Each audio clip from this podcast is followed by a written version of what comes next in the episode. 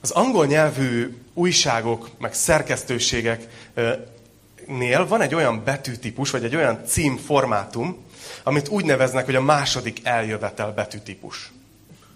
Ez, ez elég kemény. Képzeljétek el, hogy ahogy készültem erre a tanításra, mondom, ez biztos valamilyen keresztény ö, legenda. Tudja, vannak ilyen urban leg- legendek a keresztény világban is, ilyen városi legendák, amik terjednek gyülekezetről gyülekezetre, tanítóról tanítóról, de nem igazak. Ez igaz. Utána néztem, és tényleg van ilyen.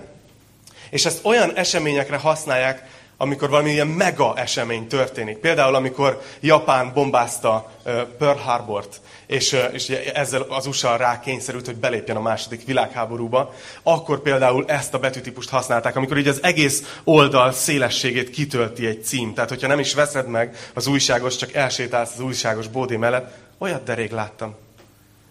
Akkor, akkor is el tudod olvasni, mert olyan nagy az a cím. De milyen érdekes, hogy hogy, hogy ez a névválasztás mire utal. Második eljövetel betűtípus. Ugye arra utal, arra az eseményre, amit a Biblia megprofétál, hogy Jézus Krisztus egy nap vissza fog térni erre a földre. Hát, hogyha valami, akkor az egy nagy esemény lesz. Nem tudom, hogy a szerkesztőségek hogy fogják tudni lereagálni. De minden esetre úgy gondolják, hogy ez olyan mértékű esemény lenne, ami megérdemelni ezt a betű, betű stílust. És ma ezt fogjuk látni, ezt az eseményt a jelenések 19-ben, de egyébként is olyan ez a fejezet, mondtam a dicsőítő csapatnak reggel, hogy beszélgettünk, hogy olyan, hogy egy, egy sorozatban ebből három évadot lehetne csinálni ebből a mai fejezetből, mert van benne, van benne buli, van benne szerelem és esküvő, van benne háború, mindenféle van ebben a fejezetben, úgyhogy szerintem unatkozni nem fogunk így a mai, mai Isten tisztelet alatt. De előtte szeretném feleleveníteni így az előző részek ö, tartalmát, ö, hogy mi történik ez előtt, a jelenések 19 előtt.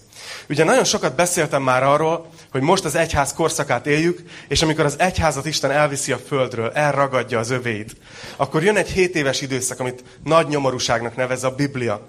Amikor egy, egy karizmatikus, nagyon népszerű ügyes vezető fogja összefogni az egész világot, őt Antikrisztusnak, meg Fenevadnak becézi a Biblia, ilyen, ilyen kedves neveket ad neki, és ő fog uralkodni, és Isten pedig fokozatosan így visszavonja a kezét a földről, és egyre több csapást ráenged a földre. És ennek három célja van ennek az, ennek az időszaknak.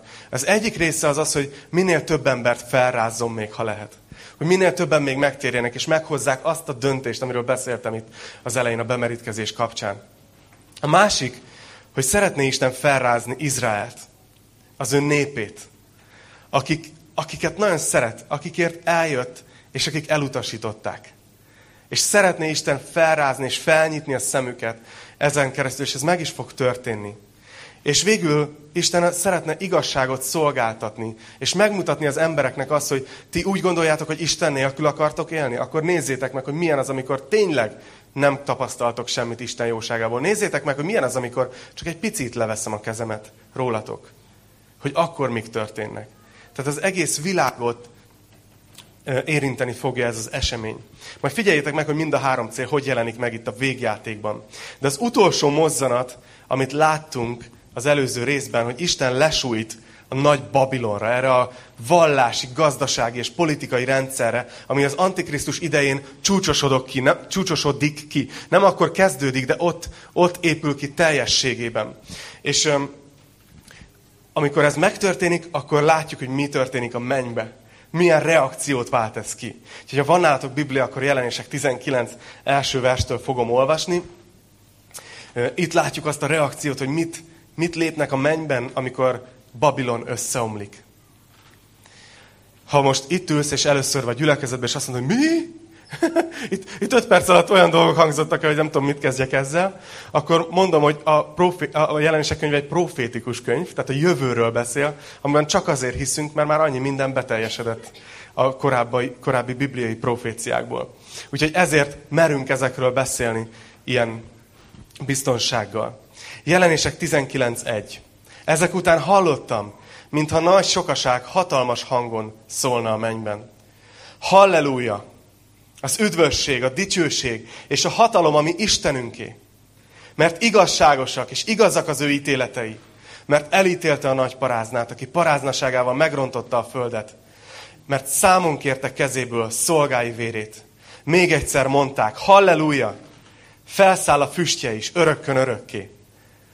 Ekkor leborult a 24 vén, és a négy élőlény, és imádták Istent, aki a trónon ül, és így szóltak, Amen, halleluja. És megszólalt egy hang a trón felől, dicsérjétek Istenünket, ti szolgái, minnyájan, akik félitek őt, kicsinyek és nagyok. A mennyben már megint azt látjuk, amit láttunk már olyan sokszor a korábbi részekben. Hogy Isten tesz valamit, és kitör a dicsőítés. A dicsőítés az nem csak annak a programnak a neve, amit itt 20 percben csinálunk a tanítás előtt. A dicsőítés az a mennynek a levegővétele. A dicsőítés az a mi életünknek a lényege, amikor Istennek azt mondjuk, hogy te vagy az Isten, te vagy a nagy, te vagy a hatalmas. És ennek egy kis le- leképeződése ezek a dalok, amikor, amikor a Szentlélek adott dalokat, és énekeljük. De látjátok, a mennyben újra és újra ezt látjuk, hogy dicsőítés van. De kicsit bizarr ez a jelenet, nem?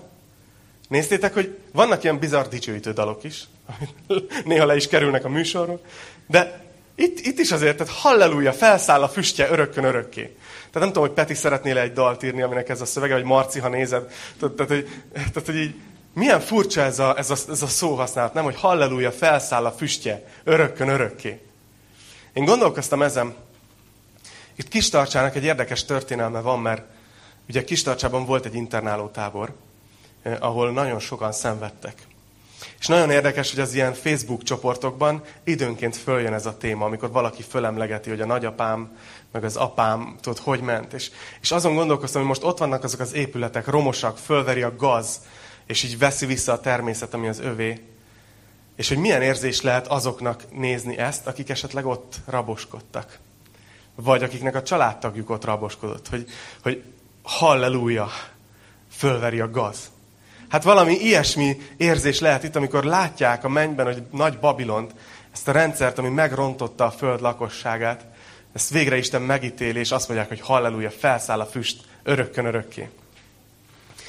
És ehhez kapcsolódik egy bejelentés is a mennyben, ami így hangzik, hogy az üdvösség, a dicsőség és a hatalom, ami Istenünké. Ez az a pont, ahol Jézus Krisztus vissza fog térni a földre. És valóban visszaveszi az uralmat az egész föld felett. De előtte, mielőtt ez megtörténik, két párhuzamos eseményt látunk, úgyhogy kicsit ilyen időutazós lesz, jó? Mai tanítás. Tehát itt van Jézus visszajövetele, ez az esemény, ami, amit nagyon várunk. És mindenféle verzióba feldolgoztuk. Van ilyen nagyon lassú dicsőítő dal, látom az élő Jézust. Meg van a Jézus vissza. Tehát minden, minden stílusban földolgoztuk ezt a témát, de a keresztények 2000 éve várják ezt az eseményt, hogy Jézus visszajön. De előtte látjuk, hogy mi történik a mennybe közvetlenül előtte, és utána föl fogom eleveníteni, hogy mi történik a földön közvetlenül előtte. Tehát mi az a helyzet, amiben Jézus visszaérkezik. Készen álltok? Oké. Okay. És hallottam valami nagy sokaság hangját, hatodik vers, amely mintha a nagy vizek zúgása és erős mennydörgés hangja volna. Halleluja, mert uralkodik az Úr, ami Istenünk, a mindenható. Örüljünk és újongjunk, és dicsőítsük őt, mert eljött a bárány mennyegzője. Felkészült mennyasszonya, és megadatott neki, hogy felöltözzék fényes, tiszta gyolcsba. Ez a gyolcs a szentek igaz cselekedeteit jelenti. És így szólt hozzám, írd meg, boldogok, akik hivatalosak a bárány mennyegzőjének vacsorájára. És ezt is mondta nekem, ezek isen igaz igéi. Szóval legelőször, amit látunk Jézus visszajövetele előtt, az, az egy olyan esemény, amit úgy nevez a Biblia, hogy a bárány mennyegzője. A bárány Jézus. Jézusnak lesz egy mennyegzője, és azt mondja, hogy felkészült a mennyasszonya. Én emlékszem arra a reggelre, amikor, amikor így, tudod, számoltuk, vágtuk vissza a centit, hogy hány nap van még az esküvőig, és, és nekünk úgy volt, hogy szombaton volt a polgári, és vasárnap volt az egyházi házasságkötésünk, és amikor így mentem szombaton, hogy tudod, most fogom meglátni, tehát mi nem csináltuk ezt az oltárnál, látom meg először, mert mindegy más volt a, a környezet, amiben ez a házasságkötés történt, de, de így mentem szombaton, és így először megláttam őt. Abban a fehér ruhába, hogy felkészült a menyasszonyom. Tudod, és így le van kapva ez a pillanat, ahogy így, tudod, így állok így ilyen, ilyen ledöbbenve, hogy hú, de jól néz ki. Aztán másnap, vicces volt, másnap pedig én vittem őt a, a gyülekezetbe, ahol, ahol volt a, az Isten tisztelet keretében a, a házasság kötésünk. És Enikőről tudjátok, ha ismeritek, hogy pont az ellentétem, tehát hogy ő annyira nem szereti a figyelmet, hogy figyelem középpontjában lenni, hogy így odaértünk a Gyülihez, ő így, ő így mennyasszonyi ruhába, és így közölte velem, hogy ő nem, ő nem száll ki a kocsiból. Tehát ez volt az első házassági konfliktusom, de bizony, hogy kiszállsz. Mert annyira félt attól, hogy, hogy tudod, minden szem ő rá fog szegeződni, és hogy ő lesz a figyelem központjában, ő nagyon nem ez a típusú ember. És mondta, de bizony kiszállsz, és hát az első konfliktus, amit én nyertem meg. Kiszállt. és az utolsó. Ezt nem mondtam. És megkérdeztem tőle tegnap, hogy elmesélhetem ezt, és azt mondta, hogy elmesélheted, mert úgyse leszek benne a teremben. Úgyhogy, úgyhogy ez jól ábrázolja a mi kapcsolatunkat. De a lényeg az, hogy itt egy másik menyegzőt látunk, a bárány menyegzőjét, ami egy folyamatosan visszatérő téma az új szövetségben. És Jézus idejében a házasság az máshogy működött, mint most. Akkoriban ugye a szülők egyeztek meg arról, hogy, hogy két gyermek össze fog kelni, aláírták a szerződést, és a, a vőlegény apukája letett egy összeget az asztalra, ami ugye jelezte a szándék komolyságát, jelezte a megbecsülést, hogy fölnevelték azt a lányt. Tehát ez volt egy, volt egy ilyen, ilyen dolog, és innentől kezdve ezt a két embert jegyesnek tekintették, és ez akár sok évig is tarthatott, de, de innentől kezdve ők nem, tehát ők, őnekik hűségesnek kellett lenniük egymáshoz. És utána, amikor eljött végül a mennyegző napja, akkor volt egy ilyen nagyon érdekes dolog, hogy, hogy eljött, a mennyasszony felkészült, és az, azon az éjszakán valamikor a vőlegény a barátaival együtt eljött a házához, és elvitte a felkészített helyre, ahol az esküvő végül megtörtént, ahol a mennyegző megtörtént. És nagyon érdekes ez az egész párhuzam. Ugye ott elkezdődött utána a lakoma és az ünnep. Hogyha belegondoltok, a Biblia úgy beszél az gyülekezetről, az egyházról, mint Krisztus mennyasszonya. És gyakorlatilag az történt, amikor a kereszt megtörtént, hogy az atya kifizette a mennyasszonyért a pénzt. Letette azt az árat. És utána várjuk azt, most ebben a furcsa állapotban vagyunk jelenleg itt 2021-ben, hogy várjuk azt, hogy mikor, mikor jön el a vőlegény és viszel minket oda, abba a házba, ahol a mennyegző fog történni. És ez az, amit itt látunk a jelenések 19-ben, hogy azt mondják, hogy eljött az ideje. Most jött el a bárány mennyegzőjének az ideje, és felkészült a mennyasszonya. És ez egy nagyon fontos dolgot mutat nekünk. 2 Korintus 11.2-ben Pálapostól így beszél a gyülekezethez. Nézzétek! Mert Isten féltő szeretetével féltelek titeket, mivel eljegyeztelek titeket egy férfiúnak, hogy tiszta szűzként állítsalak benneteket Krisztus elé. Látjátok, hogy Pál apostol, aki az egyik legnagyobb és legbefolyásosabb keresztény szolgáló volt a világ történelemben, úgy gondolkozik az ő munkájáról, az ő szolgálatáról, hogy ő készíti a gyülekezetet, ő készíti fel a menyasszonyt, de nem a maga számára, hanem Krisztusnak. Ő, ő ezért munkálkodott, ezért dolgozott, és szépítette, és azt mondta, hogy meg vagyok győződve róla, hogy Isten befejezi a munkát bennetek, és ő is ezért dolgozott. Ez nagyon fontos, és azért is szerettem volna ezt elmondani, mert nagyon könnyen el tudom képzelni, hogy, hogy vagytok itt a hallgatóságban, akiket Isten arra hívott el, akár hogy később gyülekezeteket indítsatok, hogy pásztoroljatok gyülekezeteket, vagy bármilyen módon szolgáljátok a gyülekezeteket. És nagyon fontos ezt látni, aki ebben a szolgálatban van, az nem magának épít valamit, hanem Krisztusnak készít egy mennyasszonyt. És nézzétek, hogy milyen érdekes szóhasználat van itt. Azt mondja, hogy megadatott neki, már mint a mennyasszonynak, hogy fehér gyolcsba öltözzön. Milyen nagy, nagy a kontraszt az előző részekkel, ugye, ahol a nagy paráznát láttuk. Emlékeztek azokra? Ha nem, akkor archívumban keressétek meg. Hogy itt van egy menyasszony, és megadatott neki, hogy fehér gyolcsba öltözzenek, és azt mondja, hogy a fehér gyolcs az az igaz cselekedetek. De nagyon érdekes a szóhasználat, hogy nem, nem a sajátja ennek a menyasszonynak ez a, ez a sok jó cselekedet. Nézzétek, azt mondja, hogy megadatott neki. Hogy odaadták neki, hogy felöltözhessen egy ilyen fehér ruhába. Nem tudom, hogy emlékeztek-e arra, arra a példázatra, amikor Jézus azt mondja, hogy valaki egy nagy mennyegzőt készített. Sőt, Lehet, hogy, lehet, hogy fel is olvasom nektek. Azt mondja, nézzétek, hogy Lukács 14, 15-22-ben van ez. Azt mondja, mikor az egyik vendég meghallotta, így szólt hozzá, boldog az, aki Isten országának a vendége. Ő pedig a következőképpen válaszolt. Egy ember nagy vacsorát készített, és sok vendéget hívott meg. A vacsora órájában elküldte a szolgáját, hogy mondja meg a meghívottaknak. Jöjjetek, mert már minden készen van. De azok egytől egyig mentegetőzni kezdtek. Az első azt üzente neki, földet vettem, kénytelen vagyok kimenni, hogy megnézzem. Kérlek, ments ki engem. A másik ezt mondta, öt pár ökröt vettem. Megyek, hogy lássam, mit érnek. Kérlek, ments ki engem.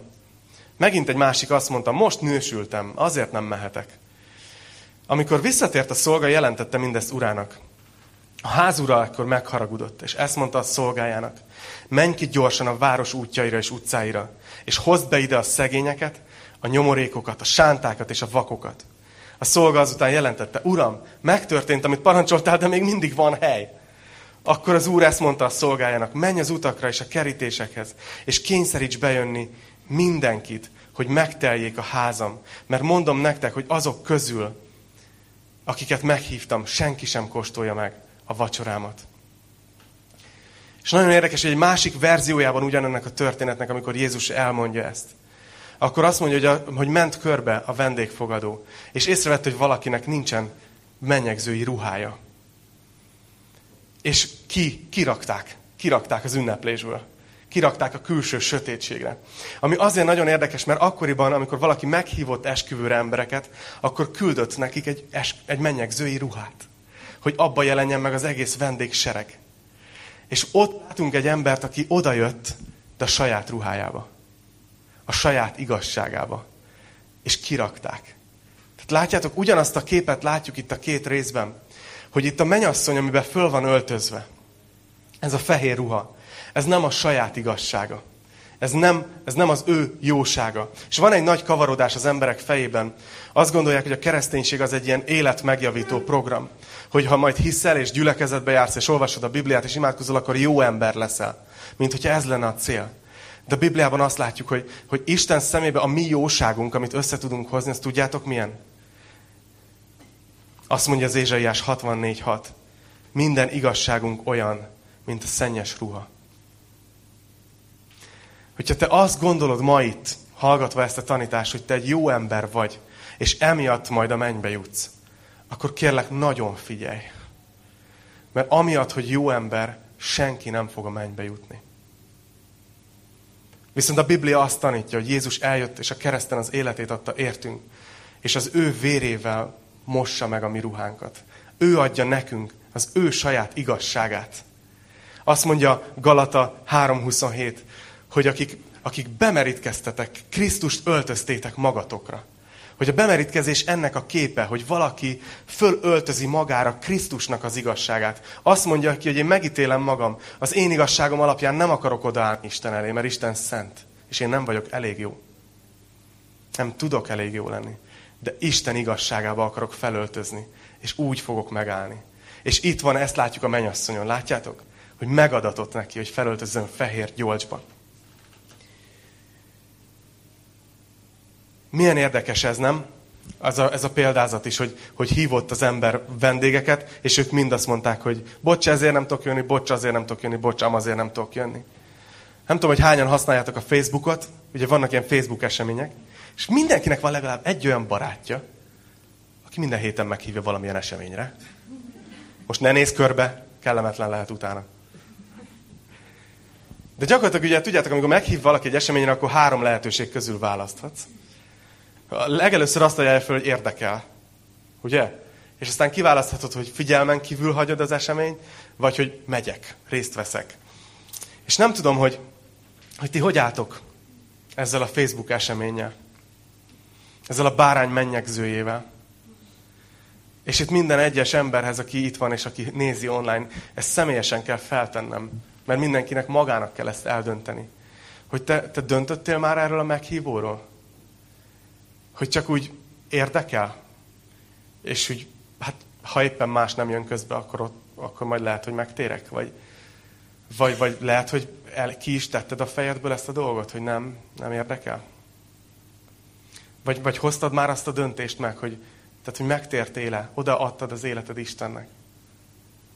Mert abban a pillanatban, amikor megtérünk, amikor Jézust a szívünkbe hívjuk, átadjuk neki a kormányt, hogy ő legyen az Úr, ő legyen a megváltó, akkor, akkor mi a menyasszony részévé válunk. Jézus megígérte, hogy visszatér a földre. És ahogy látjuk, és erről beszéltem az elmúlt percekben, az utolsó dolog, ami a mennyben történik, mielőtt ez megtörténne, az a bárány mennyegzője. És annyira érdekes nekem, hogy miért ez az utolsó dolog, mielőtt megtörténne Jézus második visszajövetele. Én azt hiszem, hogy azért, mert azt láttuk az előző fejezetekben, hogy Isten még mindig mondja az evangéliumot, még mindig várja, hogy valaki megtérjen. És nem tudom, hogy emlékeztek-e a részre, amikor végre, végül már azt kezdte írni a Biblia, hogy de már nem tértek meg. De már nem, hiába volt ez, már nem voltak hajlandóak dicsőíteni Isten. Olyan, mintha Isten a végsőkig várna. És amikor a legvégén már tényleg mindenki tudatosan utasítja el, és már nem, már egy ember sincs, aki azt mondaná, hogy én jövök és megtérek, akkor teljes a menyasszony.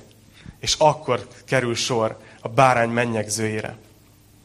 Ez az, amit a, az egyház 2000 éve vár. Nézzétek meg, hogy János, aki mindezt leírja, amikor meglátja ezt, és meghallja, hogy, hogy, a, hogy, hogy most jön a bárány mennyegzője, akkor, akkor mennyire izgatott lesz. Azt mondja a tizedik vers, jelenések 19. Én leborultam a lába elé, mármint az angyal, aki ezt mutatja Jánosnak, hogy imádjam őt. De ő így szólt hozzám, vigyázz, ne tedd, szolgatársad vagyok, és a testvéreidé is, akikben megvan Jézus bizonyságtétele. Istent imád. Mert a Jézusról való prof, bizonyságtétel a profétaság lelke. Milyen furcsa, furcsák vagyunk mi emberek, nem? Hogy néha elkezdjük azokat imádni, azokat felemelni, akiken keresztül Isten mondjuk adott nekünk valamit. Ez egy nagyon veszélyes dolog. Még egy angyal, aki ott van a mennybe, János látja, és olyan hatással van, hogy leborul és imádja. Az angyal mondja neki, hogy vigyázz. Az imádat az senki másnak nem jár. Csak Istennek. Na szóval ez az, ami a mennybe történik. Készen álltok a másik idősávra, hogy mi történik elközben a Földön? Oké, okay. Négy ember. Szuper. Ugye azt láttuk a Földön mindeközben. Tudod, ez ilyen Donald Kacsás képregény. Ekközben a Földön. Hogy az utolsó csapások megtörténtek, és kiömlött a haragnak a hét pohara, ha nem tudod, miről beszélek, keresd meg az archívumban, és köztük ott volt ez a Babilon ítélete. De a hatodik pohárnál, ami, amikor a, a harag hatodik poharát öntöttek Isten, történt valami, amire akkor azt mondtam, hogy erre majd visszatérünk, amikor majd egy későbbi részt tanulmányozunk. És igyekszem olyan ember lenni, aki állja a szavát. Na most, a hatodik pohárnál ezt olvastuk jelenések 16-ban, hogy a hatodik pohár kiöntötte a poharát, várjál?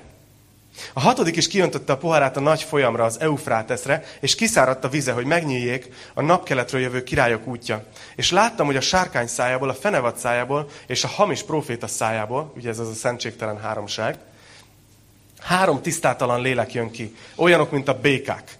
Mert ördögök lelkei ezek, akik jeleket tesznek, és elmennek az egész földkerekség királyaihoz, hogy összegyűjtsék őket a mindenható Isten nagy napjának harcára. Íme eljövök, mint tolvaj. Boldog, aki vigyáz, és őrzi a ruháját, hogy ne járjon mezítelenül, és ne lássák szégyenét. És összegyűjtötték a földkerekség királyait arra a helyre, amelyet Héberül Harmagedonnak neveznek.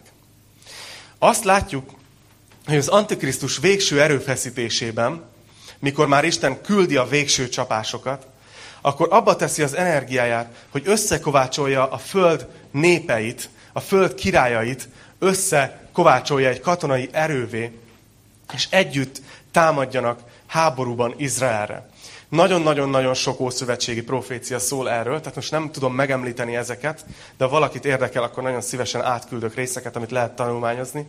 De a kérdés fölmerül, hogy miért Izrael ellen? Miért Izrael ellen?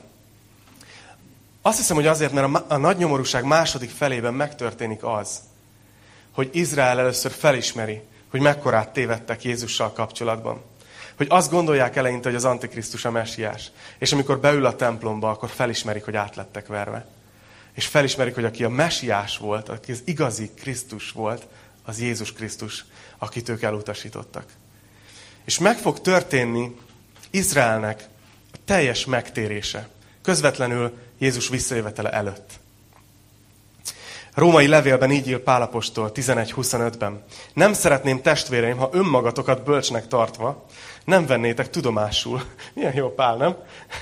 Nem szeretném, hogyha annyira okosnak képzelnétek magatokat. Önmagatokat bölcsnek tartva nem vennétek tudomásul azt a titkot, hogy a megkeményedés Izraelnek csak egy részét érte, amíg a népek teljes számban be nem jutnak. És ő így üdvözülni fog az egész Izrael.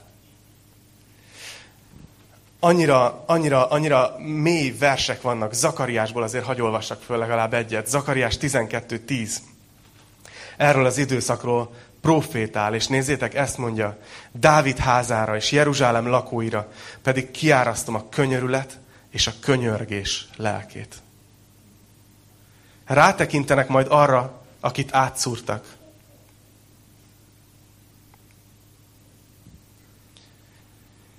És úgy gyászolják, hogy az egyetlen gyermeket szokták. És úgy keseregnek miatta, ahogyan az elsőszülött miatt szoktak. 12. vers. Gyászolni fog az ország, külön-külön minden nemzetség. És nézzétek, a 13. rész eleje ott Zakariásban, az első vers, ezt mondja, hogy azon a napon forrás fakad Dávid és Jeruzsálem lakói számára, hogy lemossa a vétket és a szennyet.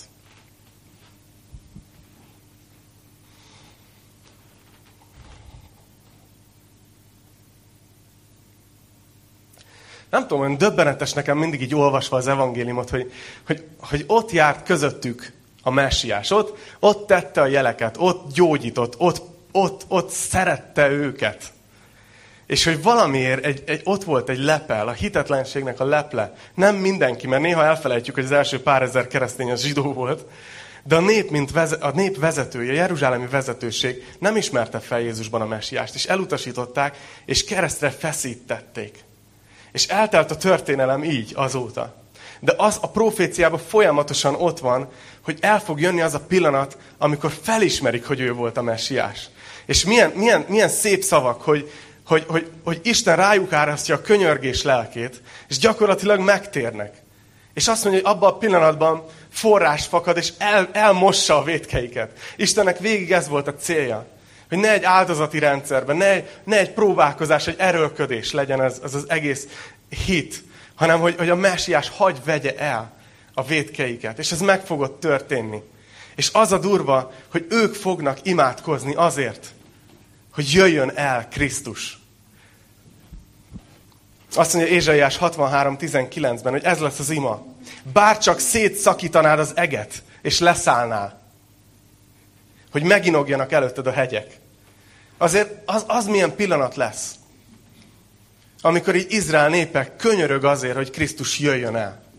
És azt mondja, hogy bár csak szétszakítanád az eget.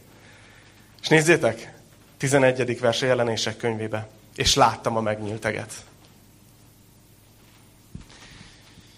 Isten válaszol, íme egy fehér ló, és aki rajta ül, annak a neve hű és igaz. Mert igazságosan ítél és harcol. A szeme tűzlángja, és a fején sok korona. És ráírva egy név, amelyet senki nem ismer rajta kívül, és véráztatta ruhába volt öltözve. Ez a név adatott neki, az Isten igéje. A mennyei seregek követték őt fehér lovakon, tiszta fehér gyolcsba öltözve. Szájából éles kard jött ki, hogy megverje vele a népeket, mert ő vasveszővel fogja pásztorolni őket, és ő tapossa majd a mindenható Isten búsult haragjának borsajtóját. Ruhájára és derekára ez a név van írva. Királyoknak királya, és uraknak ura. Hát itt emlékeztek, amikor korábban tanulmányoztuk a jelenések könyvét, akkor néha így föltettük a kérdést egy-egy lovas kapcsán, hogy na vajon ez ki lehet? Itt nincs kérdés. Itt nincs kérdés, hogy Jézus Krisztus az, aki visszatér a földre. Uraknak ura. Az Isten igéje a neve. Milyen, milyen egyértelmű beazonosítás. Jézus Krisztus visszatér. És nem csak ő, hanem azt mondja, hogy vele vannak mennyei seregek fehér gyolcsban. Nem tudom, hogy ismerős volt-e. Hát pár versel ezelőtt elemeztük, hogy, hogy kik vannak fehér gyolcsba öltözve. A gyülekezet, az egyház, a menyasszony. Jézus jön vissza a földre. Nem tudom, hogy...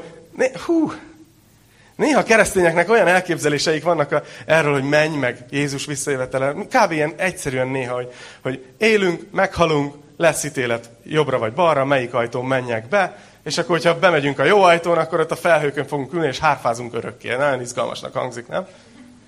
Hát nem! Hát nem, nem hangzik izgalmasnak, főleg, hogy mi van a Bibliában. Konkrétan arról beszél, hogy, hogy igen, Isten elvisz minket a mennybe egy időre, megüljük vele a bárány mennyegzőjét, de utána jövünk vele együtt, Jézussal együtt vissza ide a földre. Nem tudom, tudjátok-e, hogy Amerikában a, az elnöki gépet, ugye a, a flottának az első gépét úgy hívják, hogy Air Force One. Ugye? Azt mondják, hogy ez a visszatérés, ez pedig az Air Horse One. Mert hogy ez nem saját tanításban hallottam. Úgyhogy biztos igaz.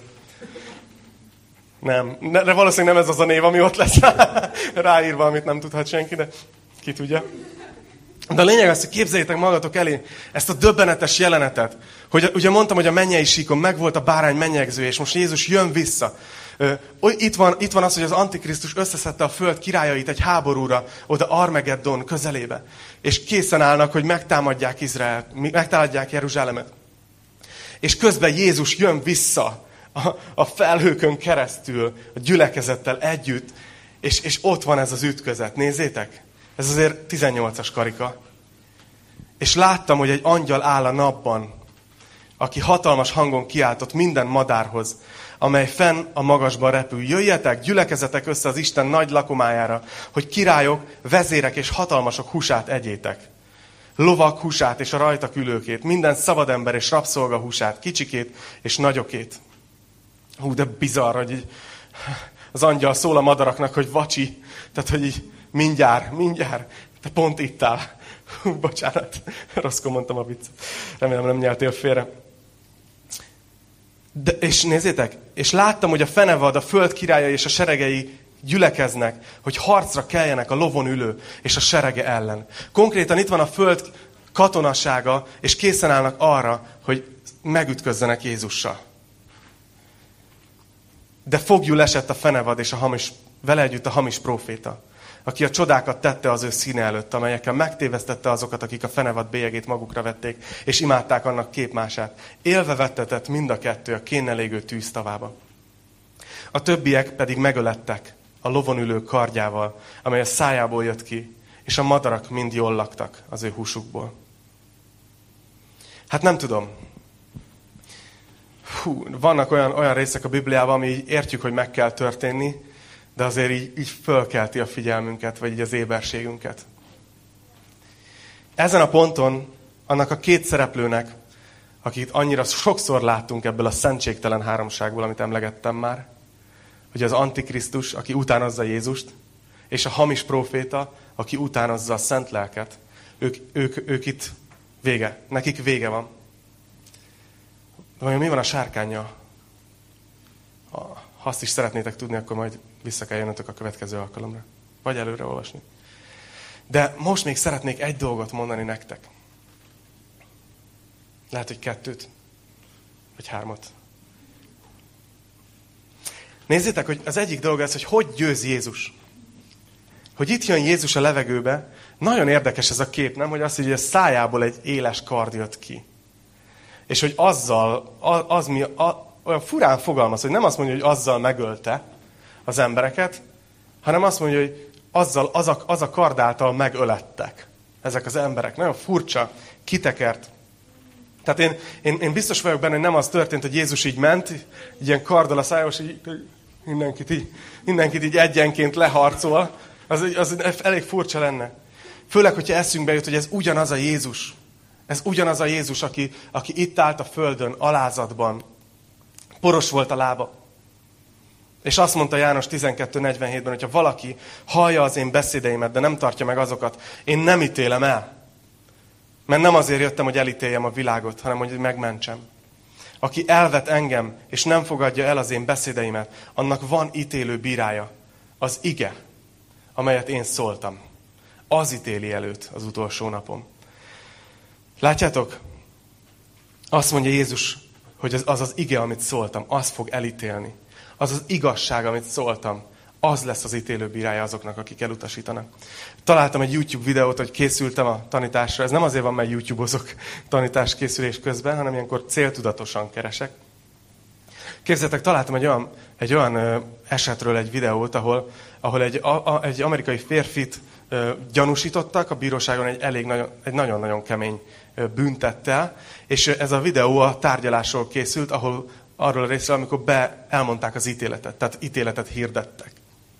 És konkrétan az történt, hogy így a bíró kimondta az ítéletet, hogy jogerős, hogy te bűnös vagy ebben a büntetben, és az ember elkezdett hörögni, és összeesett, és meghalt. És így néztük az enével, és így hú, de, hú, de bizarr. Gyakorlatilag semmi más nem történt, mint hogy meghallotta az igazságot, szembesült az igazsággal, és összeesett. Holtan esett össze. És valahogy így képzelem el ezt a, ezt a csatát. Hogy, hogy ott vannak ezek az emberek, akik lázadnak Isten ellen. Jön vissza Jézus, a szájában ott van az Isten igéje. Ott van a kard. Amiről ezt írja a zsidókhoz írt levél, hogy Isten igéje élő és ható, élesebb minden kétérű kardnál. Mélyre hatol az elme és a lélek, az izületek és a velők szétválásáig, és megítéli a szív gondolatait és szándékait. Ahogy hallják, egyszerűen szörnyet halnak. Nagyon érdekes, ezt mondja még itt a zsidó 4.13, hogy nincsen olyan teremtmény, amely rejtve volna előtte. Sőt, mindenki mezítelen és fedetlen az ő szeme előtt. Neki kell majd számot adnunk. Peti, gyertek nyugodtan. Hamarosan befejezem a tanítást, és, és együtt fogunk úrvacsorázni. És, és ehhez hogy felkészítsem a szíveteket. Szeretnék, szeretnék egy, egy, egy, egy utolsó részletet megemlíteni ebből a részből. És az az, hogy olyan érdekes ez, hogy, hogy Jézus, ahogy itt visszajön a földre, és követik a mennyei seregek, nem olvassuk azt, hogy így a sereg harcolna. Nem olvassuk azt, hogy bárki más harcolna. Egyedül Jézus harcol. És ez annyira eszembe juttatta azt, hogy, hogy Jézus ezt már nem először csinálja meg. Olyan, mintha ez lenne a szokása. Hogy ott volt, ott volt a kereszten. Ott volt a Gecsemáné kertben. És azt mondta, hogy Uram, ha, Atyám, ha, ha lehetséges, ha van rá lehetőség, akkor múljon el ez a pohár. De ne, de ne az legyen, amit én akarok, hanem amit te. És Jézus ott azt a harcot egyedül harcolta végig és utána elment a keresztre, és nem segítettek neki mások. Ha lehet, akkor csak nehezítették. Még nem tudom, hogy emlékeztek-e arra, hogy még el se fogadta azt a, azt a, azt a részegítő italt. Azért, mert ő egyedül harcolta végig, és vitte végig azt az áldozatot értünk. És azóta is úgy élünk, nem csak ezt látjuk a jövőben, hogy Jézus így fog visszatérni is, hogy ő egyedül fog harcolni, hanem a mai napig, a mi életünkben, Jézus harcol értünk. És szeretném, hogyha erre emlékeznénk, ahogy, ahogy vesszük ma az úrvacsorát. Ha esetleg először vagy közöttünk. Mi minden héten veszünk úrvacsorát. Körbeadunk egy tálcát, amin van pászka és van szőlőlé. Jézus Krisztus megtört testét és kiontott vérét jelképezi. Annak a jelképe, hogy, hogy ő feláldozta az életét értünk. És és szeretném, hogyha emlékeznétek arra, hogy Jézus azt mondta, hogy e, amikor a tanítványainak ezt először adta. Mondta, hogy ezt, ezt csináljátok azért, hogy emlékezzetek rám. És mondott még valamit. Azt mondta, hogy, hogy bizony mondom nektek, hogy én nem iszok ebből addig, amíg újat nem iszok veletek az Isten országában. Láttuk ezt a fejezetet, láttuk a bárány mennyegzőjét. Én hiszem az, hogy ott lesz az a pont, ahol újra Jézussal együtt fogunk úrvacsorázni. De addig azért tesszük ezt hétről hétre, hogy egy egészséges helyen tartsuk a szívünket. Hogy emlékezzünk arra, hogy bűnösök vagyunk, de hogy Jézus megváltott minket, és ezért örök életünk van. Hogy ezért van fehér ruhánk, hogy ezért leszünk ott a bárány mennyegzőjén. Imádkozzunk. Menjél, Atyám, köszönjük neked ezt a részt is a jelenések könyvéből, és az egész könyvet, és és igazad volt, Uram, amikor azt, azt írtad, hogy, hogy boldogok, akik felolvassák, és boldogok, akik hallgatják ezt a könyvet. Mert sok nehezen érthető részlet van benne, de a te szíved az nem félreérthető belőle. Látjuk, hogy milyen szeretettel vagy a teremtményed iránt, hogy mennyire menteni akarod a végsőkig. És most pedig látjuk, hogy mi az, ami ránk vár, hogy mi a jövőnk, hogy mi az, ahova tartunk. Uram, imádkozom, hogy erősítsd meg ma reggel a gyülekezetedet, hogy szépítsd ma reggel a te mennyasszonyodat. És kérlek, hogy így tényleg itas át minket a te igéddel, formáld át az életünket, a, a prioritásainkat, hogy mi a fontos, hogy mi a cél. Mindezeket kérlek, Uram, hogy formáld át. Kérlek, hogy Te készíts minket erre a napra. És segíts, Uram, hogy addig is bízzunk benned, teljes erőnkből. Uram, imádkozom azért is, hogy a Te igéden keresztül szűj újjá ma is embereket. Imádkozom azért, hogyha ha van bárki, akinek döntést kell hoznia ma melletted, meg kell térnie, akkor tudja ezt a döntést meghozni. És most pedig, Uram, imád, im, im, egyszerűen csak emlékezni szeretnénk az úrvacsorában. Te rád, és amit te tettél értünk. Mert mi már most azt mondjuk neked, megvalljuk neked, hogy te vagy az uraknak az ura, királyoknak a királya, az Isten igéje. Köszönjük, hogy szeretsz minket. Te nevedben. Amen.